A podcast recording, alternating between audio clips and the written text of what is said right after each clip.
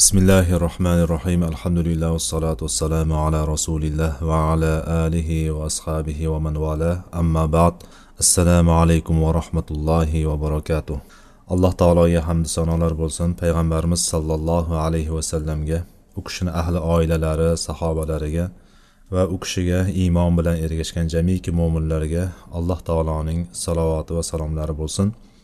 Biz al vajiz fi aqidati salafi solih degan kitobdan aqida kitobidan o'qib kelayotgandik. Shundan o'tgan darslarimizda birinchi rukun bo'lgan ya'ni iymon rukunlarining birinchi rukuni bo'lgan alloh taologa iymon keltirish haqida darslarni o'qib kelayotgandik. Shundan tavhid haqida gapirgandik. Ya'ni alloh taoloni o'zigagina ibodat qilishlik alloh taoloni barcha sifatlarida zotiy bo'lsin fe'liy bo'lsin hamma sifatlarida alloh taoloni yagona deb turib e'tiqod qilishlik haqida gaplashdik va tavhidni uch qismga bo'linganligi tavhidul rububiyat va tavhidul ulug'iyat va tavhidul asmo va sifat deb turib uchga bo'lgandik va o'tgan darslarimizda rububiyat tavhidini va ulug'iyat tavhidini o'tdik. Inshaalloh bugun muallif hafizahullohni tavhidni uchinchi qismi bo'lgan tavhidil asmo va sifat haqida yozgan matnlariga inshaalloh bugun baholi qudrat to'xtab o'tamiz. Tavhidul asmoi va sifat alloh subhanava taoloni ism va sifatlaridagi tavhidi. Ya'ni alloh taoloning ismlari bor va sifatlari bor. O'shanda ahli sunna val jamoa qanday o'rin tutadi qanday e'tiqod qilishligi kerak? Mana shu haqda inshaalloh gaplashgan bo'lamiz. Ism va sifatlar tavhidi degani bu alloh taoloning go'zal ismlari bor va oliy sifatlari bor. Alloh taolo barcha komil bo'lgan mukammal bo'lgan sifatlar bilan sifatlangan va har qanday nuqsonli sifatlardan xoli bo'lgan pok bo'lgan zotdir. Va butun koinotdagi va maxluqotlardagi barcha narsalardan alloh subhanava taolo alohida bo'lgan farqli bo'lgan zotdir deb turib qat'iy e'tiqod qilishlik ekan. Ya'ni mana shu alloh subhana taoloni go'zal ismlari va sifatlari bor deb bilamiz va ism sifatlarida biz bilganimiz qur'on va hadisda kelgan alloh taoloni to'qson to'qqizta ismi zikr qilingan. Mana shu to'qson to'qqizta ismlarini har bittasini bilishlik va mana shu bilganda ham aytganimizdek bironta maxluqotlariga va borliqdagi biron bir narsaga o'xshash emas deb turib ulardan hammasida farqi farqi bor deb turib qat'iy e'tiqod qilish ekan. Ahli sunna val jamoa alloh subhanava taolo qur'onda va payg'ambarimiz sollallohu alayhi vasallam sunnatlarida xabar bergan. Alloh taologa sifatlangan sifatlarda ahli sunna val jamoa bu narsani e'tirof qiladi bu narsaga iymon keltirishadi. Chunki alloh taolodan ko'ra yaxshiroq biladigan biron bir kimsa yo'q. Shuningdek alloh subhanaa taolodan keyin payg'ambarimiz sollallohu alayhi vasallamdan ko'ra alloh taoloni zotini biladigan biron bir kimsa yo'q. Mana shuning uchun ahli sunna val jamoa qur'onda va sunnatda kelgan alloh subhana taoloni sifatlarini ismlarini hammasini shunday bor bor bo'lsa shunday borligicha qabul qiladi. Bu o'rinda ular ismlarni asl o'rnidan o'zgartirmaydi. Ya'ni bu degani nima degani? Ismlarni o'zini o'rnidan o'zgartirmaydi degani alloh taolo o'ziga qo'l sifatini sifatlab alloh taoloni ikki qo'li bordir dedi. Alloh taoloni ikki qo'li bor. Ikkalasi ham ochiqdir deb aytdi alloh taolo. Yoki boshqa oyatda men odamni ikki qo'l bilan yaratdim dedi. Ya'ni alloh taolo o'ziga ikkita qo'l bor ekanligini sifatladi.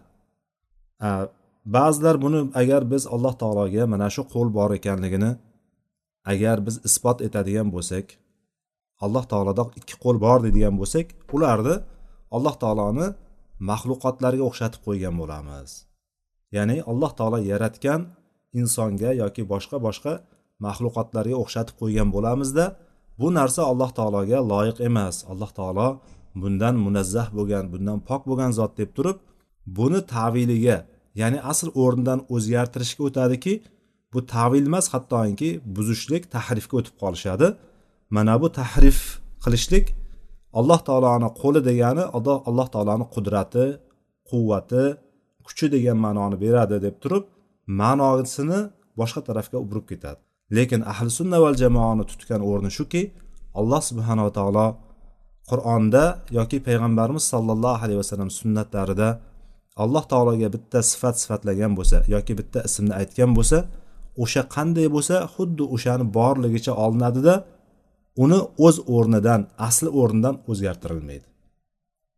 Va alloh taoloning ismlarini ismlari va alloh taoloning oyatlarida ilhot qilmaydilar ilhotga kirmaydilar. Ilhot deganimiz haqdan uzoqlashishlik haqdan burilib ketishlik haqdan og'ish degan. Buni ichiga undan keyin kelgan alloh taoloni sifatlarida tamsil takif ta'til va tahrif degan bularni hammasi mana shu ilhotni ichiga kirib ketadi.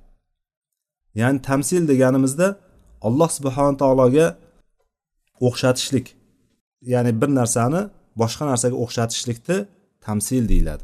Hamma taraflama har taraflama o'xshasa buni tamsil deyiladi. Takif desa biron bir narsani kayfiyatini aytishlik. Qandayligini aytishlik. O'shani takif deydi. Ta'til bo'ladigan bo'lsa buzishlik. Ta'til inkor qilishlik. Yoki boshqacha aytganimizda isbot qilmaslik sifatlarni isbot qilmaslik. Yoki bittasini isbotlab turib bittasi bor deb turib ikkinchisini inkor qilishlik.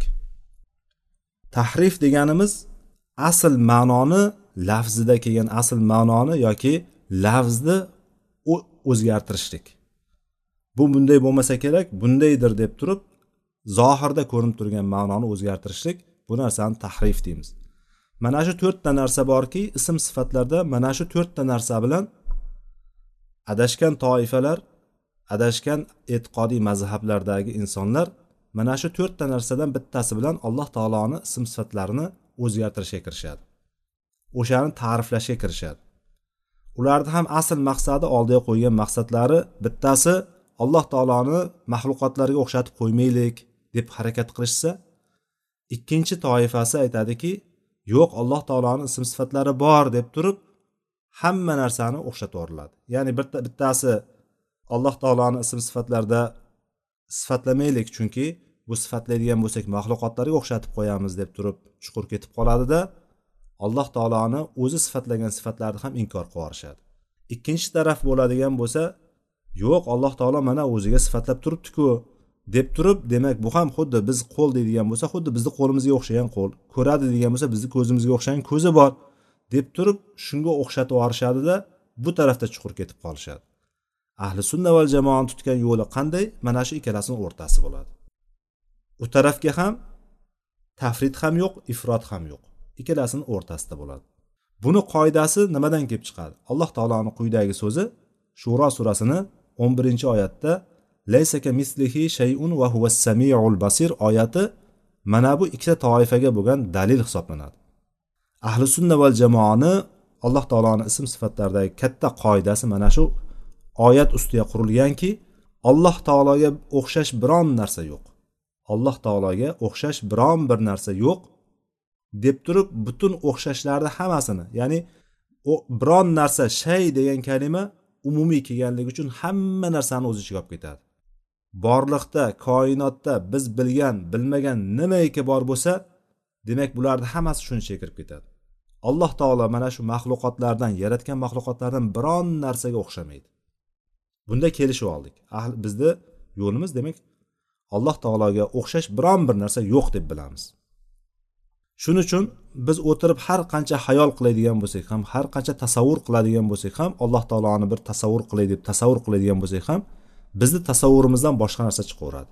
Alloh taolo butun insonlarni hammasi hayollar bilan jamlanib bitta fikr o'ylaydigan tasavvur qiladigan hammasini qo'shib turib bitta narsa yasamoqchi bo'ladigan bo'lsa alloh taolo bulardan boshqa narsadir. Alloh taoloni zoti ularni o'ylagan tasavvurlardan oliy bo'lgan zotdir. Shuning uchun hech narsaga o'xshamaydi alloh taolo. Bu bilan kelishib oldik. Ikkinchi tarafi lekin alloh taolo yo'q yo'qlik emas. Ya'ni alloh taolo hech narsa emas degani emas bu. Ya'ni hech narsa ekan bo'lmasam alloh taolo hech narsaga o'xshamaydigan bo'lsa demak hech narsa ekanda degan narsa kelib chiqmasligi uchun oyatni ikkinchi tarafida aytyaptiki va huva samiul basir deyapti. Alloh taolo eshituvchi va ko'ruvchidir. Bir tarafdan inkor qilinayotgan bo'lsa maxluqotlardan narsalardan biron bir narsaga o'xshamasligi aytilayotgan bo'lsa ikkinchi tarafdan alloh taoloni borlig'i bor ekanligini uni zoti bor zot ekanligini isbotlaydigan u eshituvchi va ko'ruvchidir deyapti. Lekin eshitishlikka bizga o'xshab turib quloqqa tashqi quloq ichki quloq degan uni eshituv yo'llari nervlariga hojat bormi? Yo'q u narsani kayfiyati aytilmadi. Eshitadi qanday eshitadi deganda quloq kerakmi unga biz bilganimiz hayvonlarda ham quloq bor bizda ham quloq bor. Ya'ni eshitish uchun qandaydir bir shunaqa eshitish organi bo'lishligi kerak degan bizni tasavvurimiz bor. Mana shundan demak biz kirmaymiz o'sha joyga. Alloh taolo bu narsaga indamadimi? Biz ham indamasdan demak alloh taolo eshitadi. Tamom shu yerda to'xtaymiz. Eshitishligini isbot qilamiz. Lekin qanday eshitadi degan joyga kelgan bo'lsak o'sha joyda turamizki to'xtaymizki bu narsa agar biz bunday bo'lsa kerak. Demak qulog'i bor ekanda yoki bir eshitish a'zosi bor ekanda deb ketadigan bo'lsak biz taklifga kirgan bo'lamiz. Taklif ya'ni o'shanga qanday ekanligini tushuntirib berishlik izoh berishlik hisoblanadi. Izohlashlik hisoblanadi. Mana shu joyga kirmaydi ahli sunna. Chunki nimaga kirmaymiz? Chunki dinda shariatimizda alloh taoloni tavhidi alloh taoloni ism sifatlari bo'lsin ibodatlar bo'lsin bu narsada bizda tutgan o'rnimiz to'xtashlik qur'onda aytilgan bo'lsa alloh taolo aytgan bo'lsa biz unga iymon keltiramiz va qabul qilamiz o'sha narsani. Yoki payg'ambar sollallohu alayhi vasallam aytgan bo'lsalar biz u narsani qabul qilamiz va o'shanga iymon keltiramiz. Lekin qur'onda ham aytilmagan payg'ambarimiz sollallohu alayhi vasallam aytmagan bo'lsalar biz u yerda to'xtaymiz. Bizni o'sha joyda to'xtashligimiz kelgan narsani ustida to'xtaymiz. eshitadimi alloh taolo eshitadi lekin u yoqqa o'tmaymiz o'sha joyda to'xtaymiz naryoqqa o'tmaymiz mana bu ahli sunna val jamoaning e'tiqodini asosi mana shu hisoblanadi keyingi oyatda alloh taolo aytdiki valillahil asmaul husna fadauhu biha وذروا الذين يلحدون في أسمائه سيجزون ما كانوا يعملون dedi bu oyat arof surasini bir yuz saksoninchi oyat alloh taoloning go'zal ismlari bor Valillahil asmaul husna. Alloh taolo o'zi aytyaptiki allohning go'zal ismlari bor. Fadauhu biha shunday ekan uning ismlari bilan o'sha ismlari bilan unga duo iltijo qilinglar ibodat qilinglar deyapti. Fadauhu biha alloh taoloni shu bilan duo qilinglar. Mana shu ismlari bilan go'zal ismlari bilan duo qilinglar. Va alloh taoloning ismlarida haddidan oshgan haqdan og'ib ketgan insonlardan uzoq bo'linglar ular tark qilinglar. Mana shunday kimsalar yaqinda qilgan amallariga yarasha jazolanadilar dedi alloh taolo. Ya'ni ular alloh taoloni ismlarida ilhod qilganlar haqdan og'ganlar unga kayfiyat berganlar unga biron bir narsani o'xshatganlar yoki asl ma'nosidan boshqa ma'noga burganlar tahrif qilganlar yoki ma'nosini butunlay buzgan ta'til qilganlar ertaga yaqinda deyapti. Sa kalimasi bilan shu muzoriy fe'liga qo'shiladigan sa bilan kelyapti. Bu yaqin kelajakka dalolat qilyapti. Ya'ni tezda kelishligini alloh taolo aytyapti. Savfa bilan kelganda edi biroz uzoqroq muddatda aytgan bo'lardi lekin bu yerda sayujzauna ma kanu ma yamalun deyapti. Bu yerdagi sayujzaunadagi sa tezda ular yaqinda yaqin orada ular qilgan mana shu amallariga yarasha jazolanadilar deb alloh taolo arof surasini bir yuz saksoninchi oyatda marhamat qildi. Ahli sunna val jamoa alloh subhana taoloni sifatlarida kayfiyat bermaydi. Kayfiyat belgilamaydi. Hozir aytganimizdek biron bir kayfiyat qo'ymaydi. Alloh chunki alloh subhanaa taolo kayfiyat haqida xabar bermadi. Biron bir joyda ismini aytgan bo'lsa yoki biron bir sifatini aytgan bo'lsa yoki o'ziga biron bir qo'lini isbotlagan bo'lsa yoki soq dedimiz boldirni nisbatlagan bo'lsa yuzni nisbatlagan bo'lsa o'ziga bularni birontasini kayfiyatini aytmadi. Buni yuz ya'ni qo'l sizlarnikka o'xshagan beshta barmoqli qo'l xuddi shunaqa tuzilish ham yelkadan bilakdan kaftdan tashkil topgan mana shunaqa deb aytmadi biron joyda. Katta kichikligini aytmadi. Mana shuning uchun demak u tarafga o'tilmaydi boldir aytildi. Bizdagi boldir tushunganimiz oyog'imizni bir qismi yoki alloh taologa qadam aytildi. Qadam deganimiz boldirni pastki qismi to'piqdan pastki qismi oyoq. Oyoq kiyim kiyadigan qismini arab tilida qadam deydi. Alloh taoloni qadam nisbatlandi alloh taologa.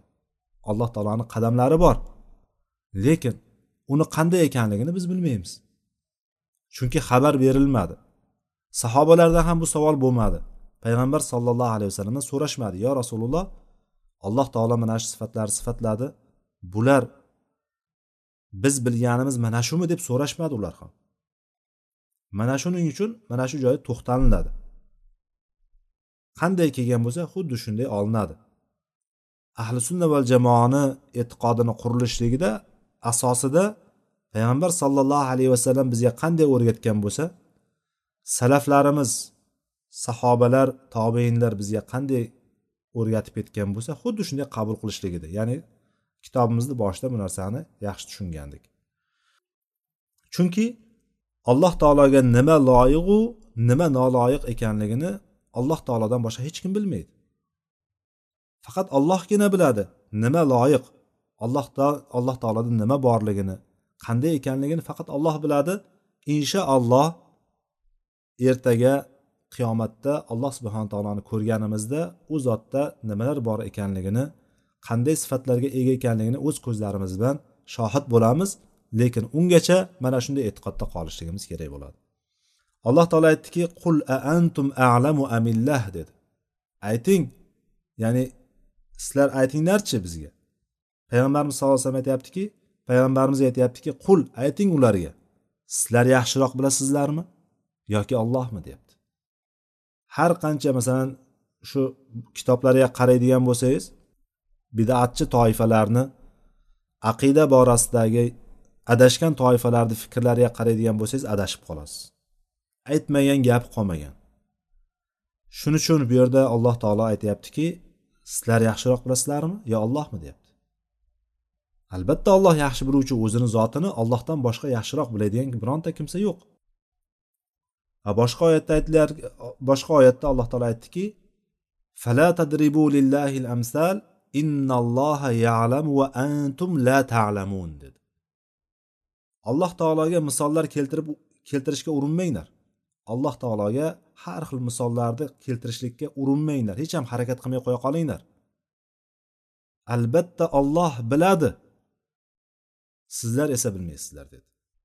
Alloh taoloni qanday ekanligini o'zini qanday ekanligini alloh taolo juda yaxshi biladi. Lekin sizlar bilmaysizlar dedi. Nahl surasini yetmish to'rtinchi oyati bu. Alloh subhanava taolodan keyin ollohni rasululloh sollallohu alayhi vasallamdan ko'ra yaxshiroq bo'luvchi inson yo'q. Buni alloh taolo payg'ambarimiz haqida shunday dedi.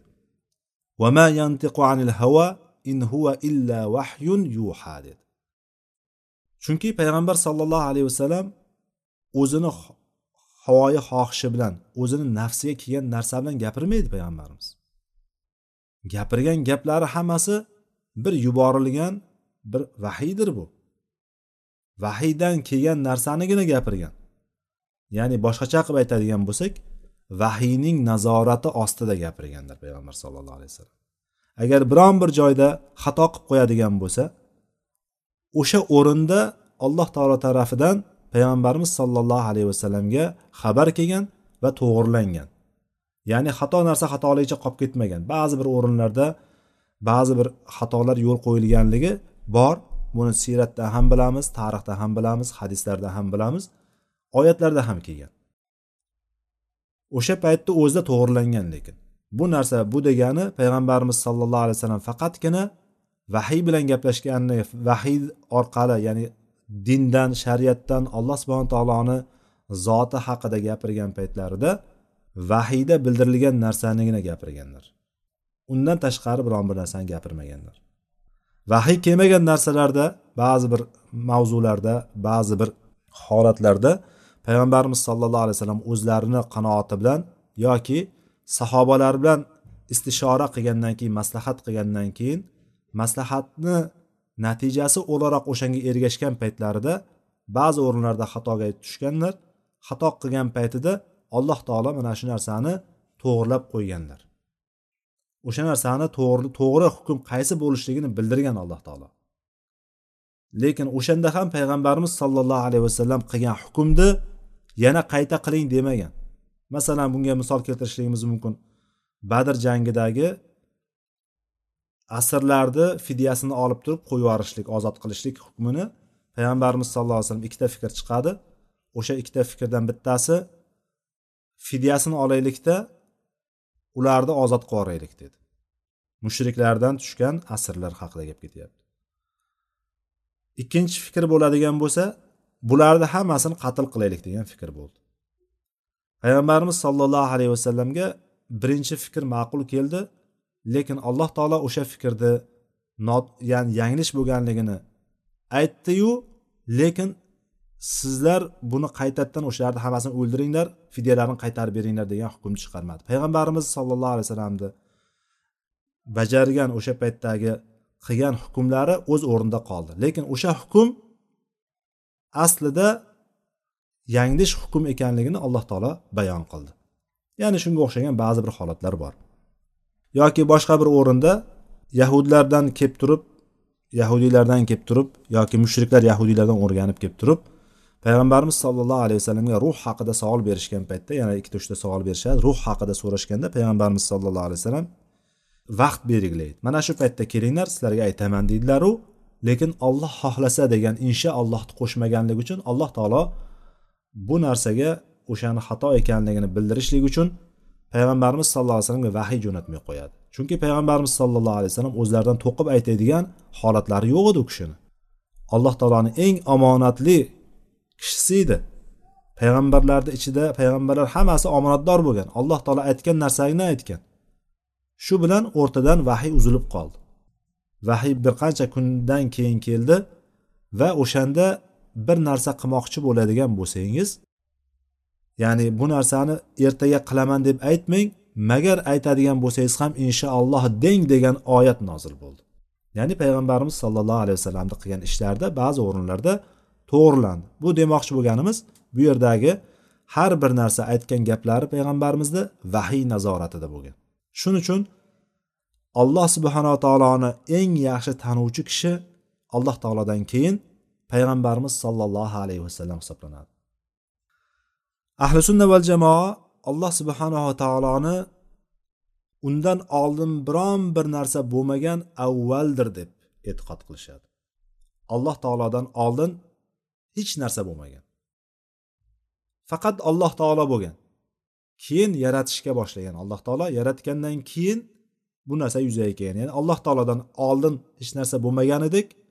Undan so'ng ham alloh taolodan keyin ham biron narsa qolmaydi. Oxir degani mana shu ma'noni bildiradi. Al axir deganda alloh taolo axir degan ismi bor alloh taoloni. Buni ma'nosi shuki alloh taolodan keyin hech narsa qolmaydi. Ya'ni eng oxirgi qoluvchi zot ham alloh taolo. Hamma narsa foniy bo'ladi magaram allohning yuzigina qoladi allohgina qoladi degan oyatdan hamma narsa o'ladi hamma narsa yo'q bo'ladi. Faqat ollohgina qoladi so'ngra qayta tiriltiriladi tiriltiriladi. Hamma insonlar hayvonlar hammasi qayta tirilib mahsharaga keladi. Bu narsa mana shu ma'noni beradi. Ollohdan oldin ham hech narsa bo'lmagan ollohdan keyin ham hech narsa bo'lmagan. Bu ollohning ismlari. Va zohir deb keladi. Zohir degani alloh taolodan ustun bo'lgan alloh taoloning yoki ustida biron bir narsa yo'q. Ya'ni alloh taolodan baland bo'lgan ustun bo'lgan biron bir narsa yo'q. Eng ustida turadigan ham eng ustun bo'lgan zot ham eng g'olib bo'lgan zot ham alloh taolo hisoblanadi. Bu ma'nosi mana shu ismining ma'nosi shuni bildiradi. Alloh taolo botindir deydi. Al batin deb keladi oyatda. Botin degani alloh taolodan ko'ra yaqinroq hech narsa yo'q. Shuning uchun oyatda aytiladiki sizlarni shoh tomirlaringdan ko'ra biz yaqinroqmiz sizlarga deb aytadi. Ya'ni alloh taolo bizni yuragimizdan chiqadigan shoh tomir eng katta tomirni oladigan bo'lsak yuragimizdan chiqadigan eng katta tomir bizga eng yaqin bo'lgani o'sha. O'sha shunday kesiladigan yoki shunday yoriladigan bo'lsa inson shu zahoti o'ladi. Lekin alloh taoloni yaqinligini aytgan paytda mana shu tomirga nisbatlab aytadiki alloh taolo mana shu tomirdan ko'ra sizlarga yaqinroqdir deb aytadi. Shoh tomir deb aytiladi bu. Shoh tomirdan ko'ra yaqinroqdir. Ya'ni alloh taolodan ko'ra yaqinroq bo'lgan bizga biron bir narsa yo'q. Biron bir zot yo'q. Botinni ma'nosi mana shu. O'zi botin degani ichki tarafini olinadi. Ichi degani. Arabchadan xabari borlar. Ichki taraf degani. Qorin ham shundan kelib chiqqan. Botin degani ham. Ichki a'zolar o'shani ichi botin ichi bo'ladi. Bir narsani ichki tarafini botin deydi. Ya'ni alloh taolo shunaqa yaqin zot ekanligiga dalolat qiladi. Bunga alloh taolo aytdiki huval avval val axir val zohir val batin va huva bi kulli shayin alim dedi. Hadid surasining uchinchi oyati. U avvaldir u oxirdir. U zohirdir u botindir. Ya'ni ma'nosini yuqorida aytganimiz uchun oyatda shunday ismlar bilan aytib ketyapmiz. Alloh taoloni mana shunday ismlari bor. Biz bularga iymon keltiramiz. Ahli sunna va jamoa shunday deb e'tiqod qiladi iymon keltiradi shunga. Va huva bi kulli shayin alim va har bir narsani ya'ni hamma narsani alloh taolo biluvchi zotdir. Bilganda ham alim sifati juda yaxshi biluvchi zotdir degan. Faqat biluvchi deb qo'yadigan bo'lsak sal ma'noni noto'g'ri bergan bo'lamiz. Juda yaxshi biluvchi deb aytadigan bo'lsak mana bu to'g'ri bo'ladi. Sifatni orttirma darajasi bilan tarjima qilishligimiz yanada yaqinroq ma'no bergan bo'lamiz. Shuningdek alloh subhanaa taolo biron bir zotlarga ya'ni biron bir narsaga biron bir narsani zotiga o'xshamaydi alloh taolo. Va boshqa narsalarni maxluqotlarni sifatlariga sifatlari ham o'xshamaydi. Alloh taolo shunday zotki zotida ham boshqacha sifatlarida ham boshqacha. Chunki alloh taoloni misli ham barobari ham tengi ham yo'q. Ya'ni uning unga o'xshagan o'xshashlik degan narsa barobarlik degan narsa ismdamidi yoki ko'rinishdamidi hamma narsada alloh taolo boshqacha zotdir. Ya'ni yuqorida aytganimiz ko'rish va ko'rish va eshitishda aytdik. Bizni ko'rishligimiz ko'zga muhtoj. Ko'zni tashqi ko'zimiz bor ichki tarafda ko'radigan yo'llari bor orqada borib turib miyaga borib turib markazi bor o'sha o'sha yo'llardan birontasi zararlanib qoladigan bo'lsa insonni ko'zi ko'rmay qoladi. Eshitish ham xuddi shunday. Tashqi quloq bor ichki quloq bor o'rta quloq bor o'shalarni yo'llardan birontasi uzilib qoladigan bo'lsa ham eshitishimiz to'xtaydi. Lekin alloh taologa bu sifatlar berilmaydi. Alloh taoloni alloh taolo hamma narsani bilib turadi. Bilishligini chegarasi yo'q. Hamma narsani butun ihota qilib turib hamma narsani qamrovli tarzda biladi. Qamrovli tarzda eshitadi qamrovli tarzda ko'radi. Ya'ni biz bir narsani eshitayotgan bo'lsak boshqa tarafdan boshqasi ham gapirib turgan bo'lsa biz na unisini na bunisini eshita olmaymiz. Ya'ni ikkalasini baravar eshita olmaymiz. Bunisini ham qoyillatmaymiz unisini ham qoyillatmaymizda o'rtada hech narsasiz ketamiz agar bir narsa ikkita tarafdan eshitiladigan bo'lsa. Endi uchta tarafdan ovoz qo'yib qo'yilgan bo'lsa to'rtta tarafdan bittasi gapirsa yoki beshta tarafdan yoki har xil o'nta odam baravar gapirsa o'shalardan bittasi ham gapini to'liq eshita olmaymiz hammasi bir xil to'nda baravar gapiradigan bo'lsa ya'ni. Lekin alloh taoloni eshitish shunaqaki qancha qancha maxluqotlar bor. Insonlarni o'zi masalan olti milliard yetti milliard bo'ladigan bo'lsa undan tashqari qancha qancha maxluqotlar bor. Yer ostida suv dengizlarda dengizlarni ichida. Qushlar parrandalar darrandalar bularni alloh taolo hammasini bir vaqtni o'zida eshita oladi va bir vaqtni o'zida ularga javob bera oladi. Duo qilganda bir kunda qancha minglab insonlar duo qiladi. Bir paytda o'zida ayni soniyalarda ayni daqiqalarga to'g'ri kelib turib duo qilayotganlar bor. Alloh taolo ularni hammasini eshitib turuvchi samiu duo duolarni eshitib turuvchi va ularni har bittasiga javob beruvchi va ularni ijobat qiluvchi zotdir alloh taolo. Alloh taoloni biz shunday tasavvur qilishligimiz kerak. Ya'ni maxluqotlarga o'xshamasligini bir oddiy misol bilan aytadigan bo'lsak mana shuni misol qilsak yetarlicha insonni ongiga yetib boradi bu. Alloh taoloni bilishligini yana insonni hattoki aqlidan zehnidan qalbidan nimalar kechyapti? Va huva alimun bizati sudur. Ko'ksilarni ichimizda mana ko'ksimizni ichimizda qalbimiz bo'ladigan bo'lsa yuragimiz bo'ladigan bo'lsa bizni fikrlashimiz zehnimizga kelayotgan fikrlar hozir nimani o'ylab o'tiribmiz? Nimalarni rejalashtiryapmiz? Yoki nimalarni hozir hayol qilib o'tiribmiz? Alloh taolo hammasini bilib turadi. Endi bitta men emas bitta sizni emas bitta uni emas butun insoniyatni oladigan bo'lsak hammasini bir paytda bilib turishlik degan narsa bizni ongimizga sig'adigan narsa emas. Bizni aqlimizga sig'adigan narsa emas. Shuning uchun alloh taolo buni xabar berdi. Alloh taolo hamma narsani bir paytni o'zida ihota qilib qamrovli tarzda bilishligini ilmi mana shunaqa keng zot ekanligi xabar berildimi? Ko'kslarimizni ichidagi narsalarni ham bilib turishligi xabar berildimi? Bizga tushgani nima? Bizni vazifamiz amanna deyishlik. Iymon keltirdik shunga. Allohim subhanaka sen hamma aybu nuqsonlardan pok bo'lgansan. Zotsan deb turib biz iymon keltiramiz. Mana shu darajada bo'ladi bizni iymonimiz. Ahli sunna val jamoa mana shu sifatlarda birontasiga tamsil isbot qilinmaydi. Tamsilsiz isbot qiladi. Tamsil deganimiz o'xshatmasdan isbot qiladi.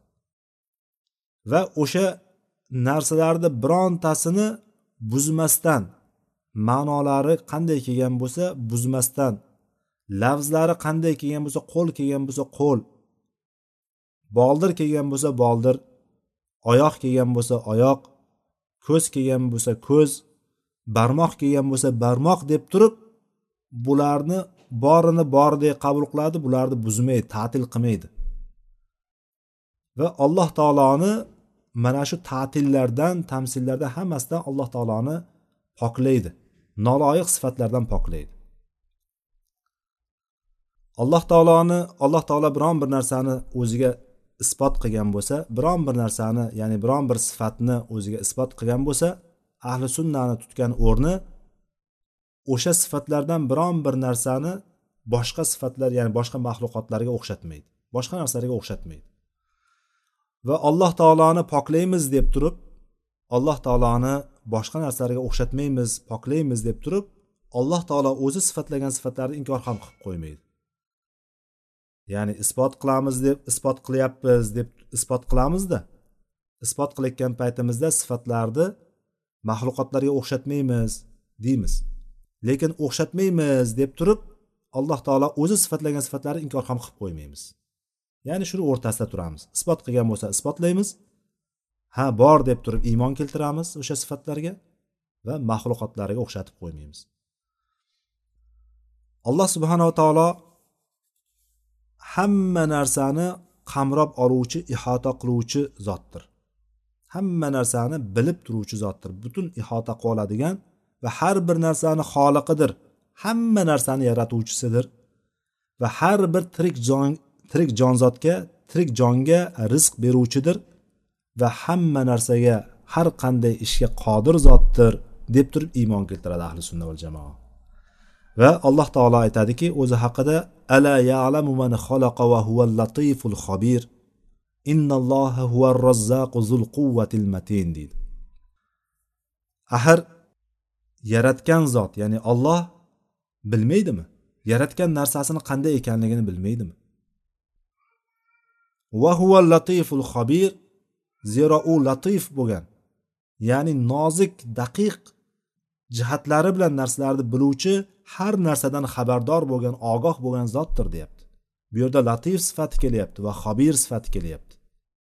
Alloh taologa nisbatlanyapti va yaratgan zotni hamma narsani biluvchi ekanligi nisbatlanyapti ikkinchi oyatda bo'ladigan bo'lsa albatta alloh subhanava taolo kuch quvvat sohibi bo'lgan razzoq bo'lgan. Razzoq deganimiz tinimsiz va to'xtamasdan va ko'p rizq beruvchi degan. Roziq bo'lganda edi bu bittagina rizq beruvchi bo'lib qolardi. Lekin razzoq degan paytimizda o'shani orttirma darajasi. Xohlaganicha istaganicha va ko'p miqdorda rizq beruvchi zot deganidir. Zoriyat surasini ellik oltinchi oyati ekan bu. Alloh subhanava taolo ahli sunna va jamoani keyingi iymon keltiradigan yana bir jihati alloh subhana taoloni ism sifatlarida. Alloh subhana taolo yetti osmon ustidagi arshga ko'tarildi. Istava degani ko'tarildi oliy bo'ldi degani. Mana shu ko'tarilishlik va oliy bo'lishlik degani o'shani ustiga chiqishlik ustiga o'shani ko'tarilib turib o'shani ustida bo'lishlik degan ikkita sifatni ahli sunna va jamoa iymon keltiradi va buni qandayligi kayfiyatiga kirmaydi. Ya'ni salaf solihlarni e'tiqodida mana shu istavo so'zini ma'nosida istaqorro ala irtafaa soada degan ma'nolarni berishgan. Ya'ni o'rnashdi yuksaldi ko'tarildi degan ma'nolarni beradi.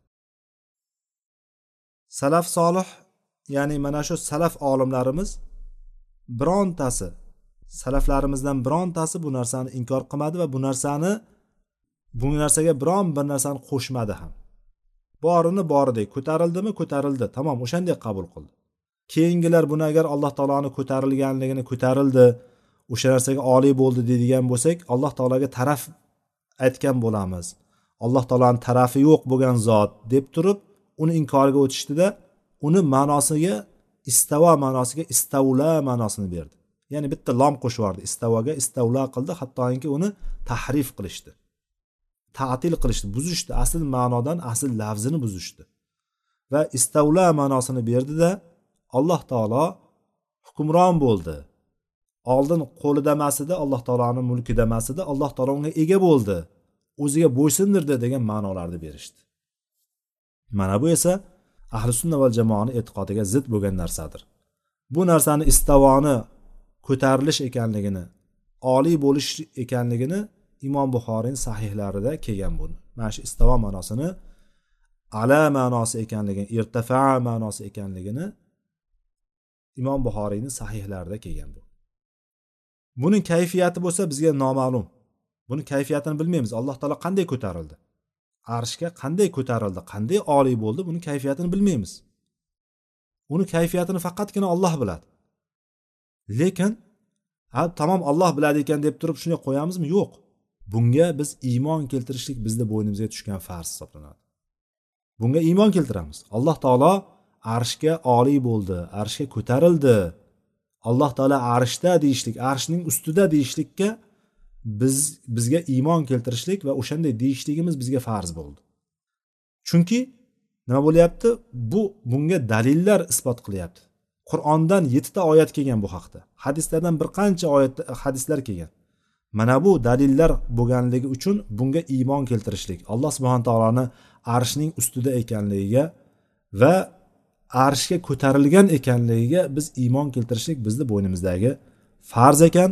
Va sualu anhu bida ammo bu haqda so'rashlik qanday ko'tarildi? Oldin qanday edi? Ko'tarilganda qanday turadi u yerda? Degan savollarni berishlik bidat hisoblanadi. Arsh degani aslida o'zi bir taxt degan ma'noni beradi. Arabchada taxt degani. Buni kayfiyati istivo e, mana shu istivoni kayfiyatini faqatgina alloh subhana taolo biladi.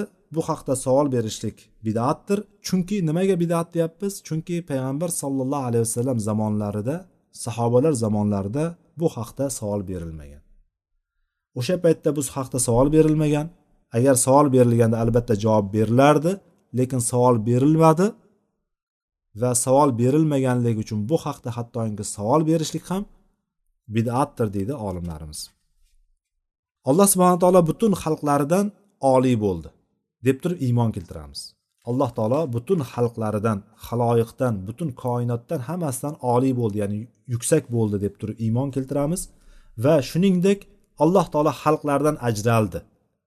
Ba'zi bir e'tiqodiy firqalardagi aytayotganlaridek aytmaymiz biz.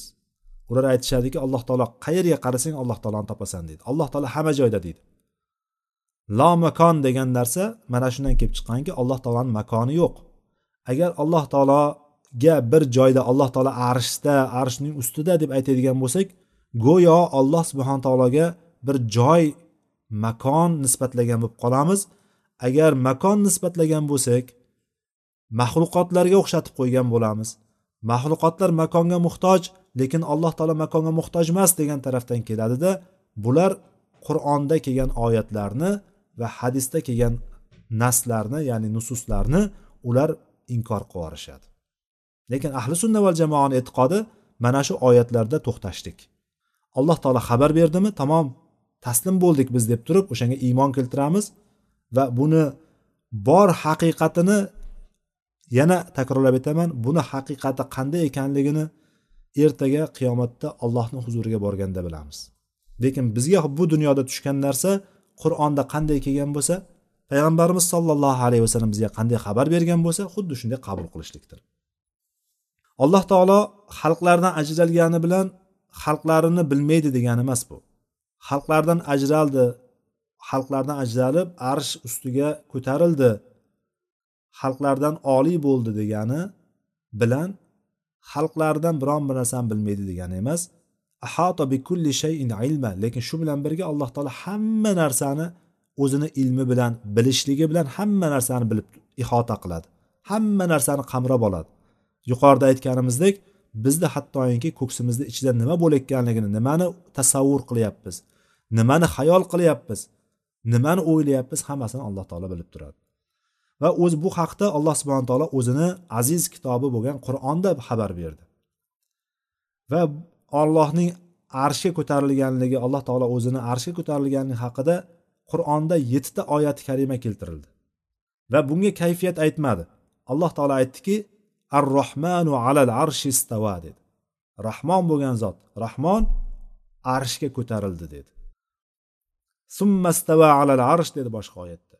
So'ngra arshga ko'tarildi. Arshga oliy bo'ldi. Arshni ustiga ko'tarildi degan oyatni aytdi.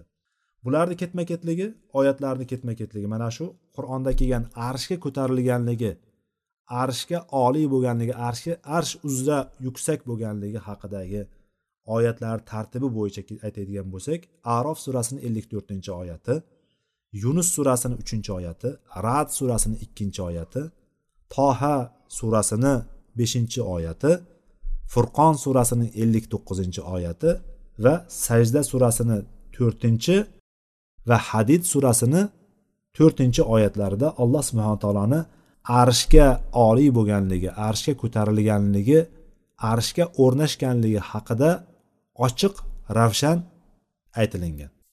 Boshqa oyatlarda aytdiki alloh taoloni ya'ni bandalardan yuksakda yuqorida ekanligini osmonlarni osmonlar uzra yuqorida ekanligini xabarini berib a amintum man fis samai ay yakhsifa bikumul arda fa idha hiya tamur? Am amintum man fis samai ay yursila alaykum hasiban fasata'lamuna kayfa nadir? Ilayhi yas'adu al-kalimu tayyib wal 'amalu as-salihu yakhafuna robbahum min fawqihim? degan oyatlarni muallif hafizahulloh keltirib o'tdi.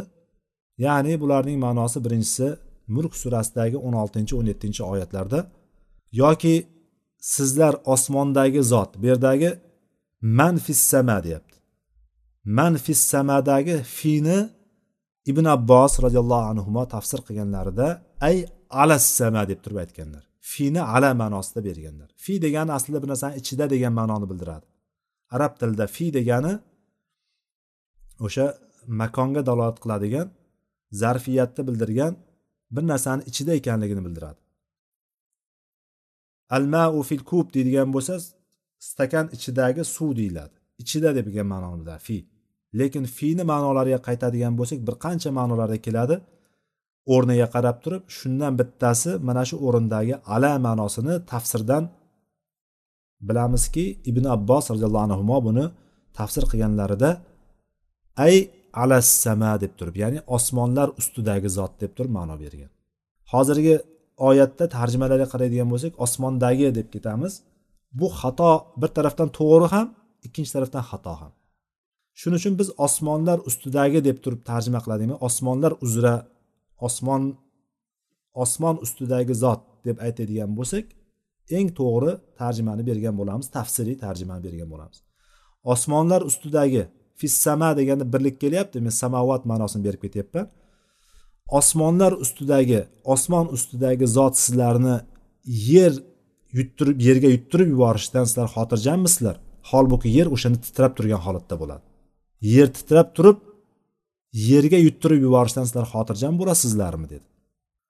Yoki sizlar osmonlar ustidagi osmon ustidagi zot ustingizga tosh yog'dirishidan xotirjammisizlar dedi.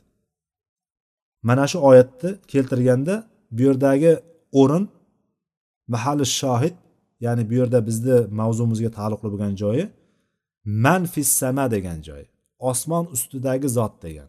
Ya'ni alloh taoloni osmonning ustida ekanligini e'tirof qilyapti bu yerda ko'rsatyapti xabar beryapti bu oyat.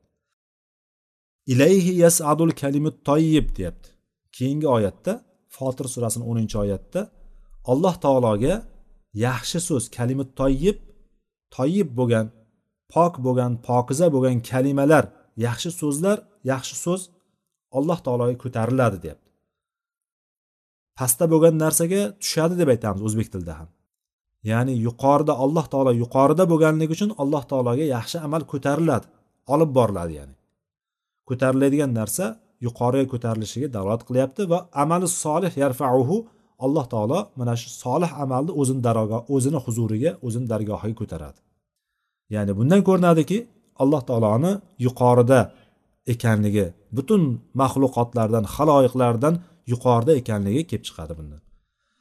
Va insonni fitratida ham shunday. Inson hech qachon pastga qarab turib duo qilayotganligini ko'rganmisiz? Yo'q ko'rmaganmiz hech qayerda. Dindan uzoq bo'lgan hech dindan xabari bo'lmagan insonlar ham odamlar ham bir og'ir holatga tushib qoladigan bo'lsa tepaga qarab duo qiladi. Hatto hayvonlar ham tepaga qarab turib chunki ularga ham fitrat berilgan. Yuqoriga qarashlik fitrati berilgan chunki alloh taolo yuqorida. Bandalaridan xalqlardan yuqorida bo'lgan arsh ustida bo'lgan zotdir. Va undan keyingi oyatda bo'ladigan bo'lsa bu nahl surasini elliginchi oyatida ekan. Ular tepalaridagi robbilaridan qo'rqadilar deyapti. Ya'ni ustilaridagi.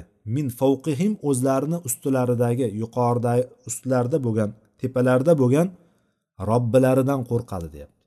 Ya'ni bunda ham ko'rinadiki alloh taoloni yuqorida ekanligini. Hadisda aytyaptiki payg'ambarimiz sollallohu alayhi vasallam ala ta'manuni va ana aminu man fis sama dedilar. Imom buxoriy va muslim o'zlarini sahihlarida chiqargan ekan bu hadisni. Payg'ambarimiz aytdilarki sizlar menga ishonmaysizlarmi? Axir men osmondagi zotning omonatdorimanku dedilar. Nahot menga ishonmasalaring? Axir men osmondagi zot ya'ni alloh taoloni omonatdorimanku dedilar. U kishi shu yerda bu o'rinda aytyaptiki man fissama degani osmonlar ustidagi boya aytganimizdek fini ala ma'nosida beramiz bu yerda ham. Osmonlar ustidagi ning omonatdori ekanligini payg'ambarimiz sollallohu alayhi vasallam bu yerda aytib o'tyapti. Va boshqa bir hadisda ham imom muslimning sahihlarida kelgan hadisda bir joriyasini ya'ni bir joriyasini qo'ylarini bo'riga yedirib qo'ygan bir joriyasini urgandan keyin o'shandan bir buni bir hukmi bo'lsa kerak deb turib payg'ambarimiz sollallohu alayhi vasallamni yoniga olib kelgan hadisda ham boyagi kishiga sen noto'g'ri qilibsan sen bir gunoh ish qilib qo'yibsan deganda boyagi kishi aytdiki yo rasululloh buni ozod qilib yuboraymi dedilar.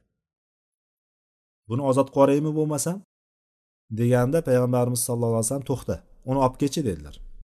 Olib kelgandan keyin payg'ambarimiz sallallohu alayhi vasallam so'radilarki men kimman? dedilar. Siz allohni rasulisiz rasulullohsiz dedi. Olloh qayerda? deb so'radi shunda. Aynalloh deb so'radi. Olloh qayerda? deb so'radi. Ya'ni iymonni bir bo'lagi alloh taoloni qayerda ekanligini bilishlik iymonni bir bo'lagi. Alloh taolo qayerda deb so'raganlarida boyagi joriya aytdiki fissama deb javob berdilar. Fissama ya'ni osmon osmonlar osmon uzra dedi. Osmonning ustida dedi. Shunda payg'ambarimiz sallallohu alayhi vasallam iqror bo'ldilar. Bu payg'ambarimiz sallallohu alayhi vasallamni iqrori bilan kelgan narsa. Mana shunga ko'ra alloh taoloni qayerda ekanligini so'rashlik joiz ekanligi kelib chiqadi bir tarafdan. Ikkinchi tarafdan alloh taoloni arsh ustida deb turib iymon keltirishlik vojib ekanligi kelib chiqadi. Inshaalloh keyingi darsimizda arsh va kursiydan boshlab ya'ni arsh qanday narsa kursiy nima ekanligi haqidagi joydan davom ettiramiz inshaalloh. Vallohu alam. Subhanakallohumma bihamdik. Ashhadu an la ilaha illa anta astag'firuka va atubu ilayk. Va axiru davana anilhamdulillahi robbil alamin vassalomu alaykum va rahmatullohi va barakatuh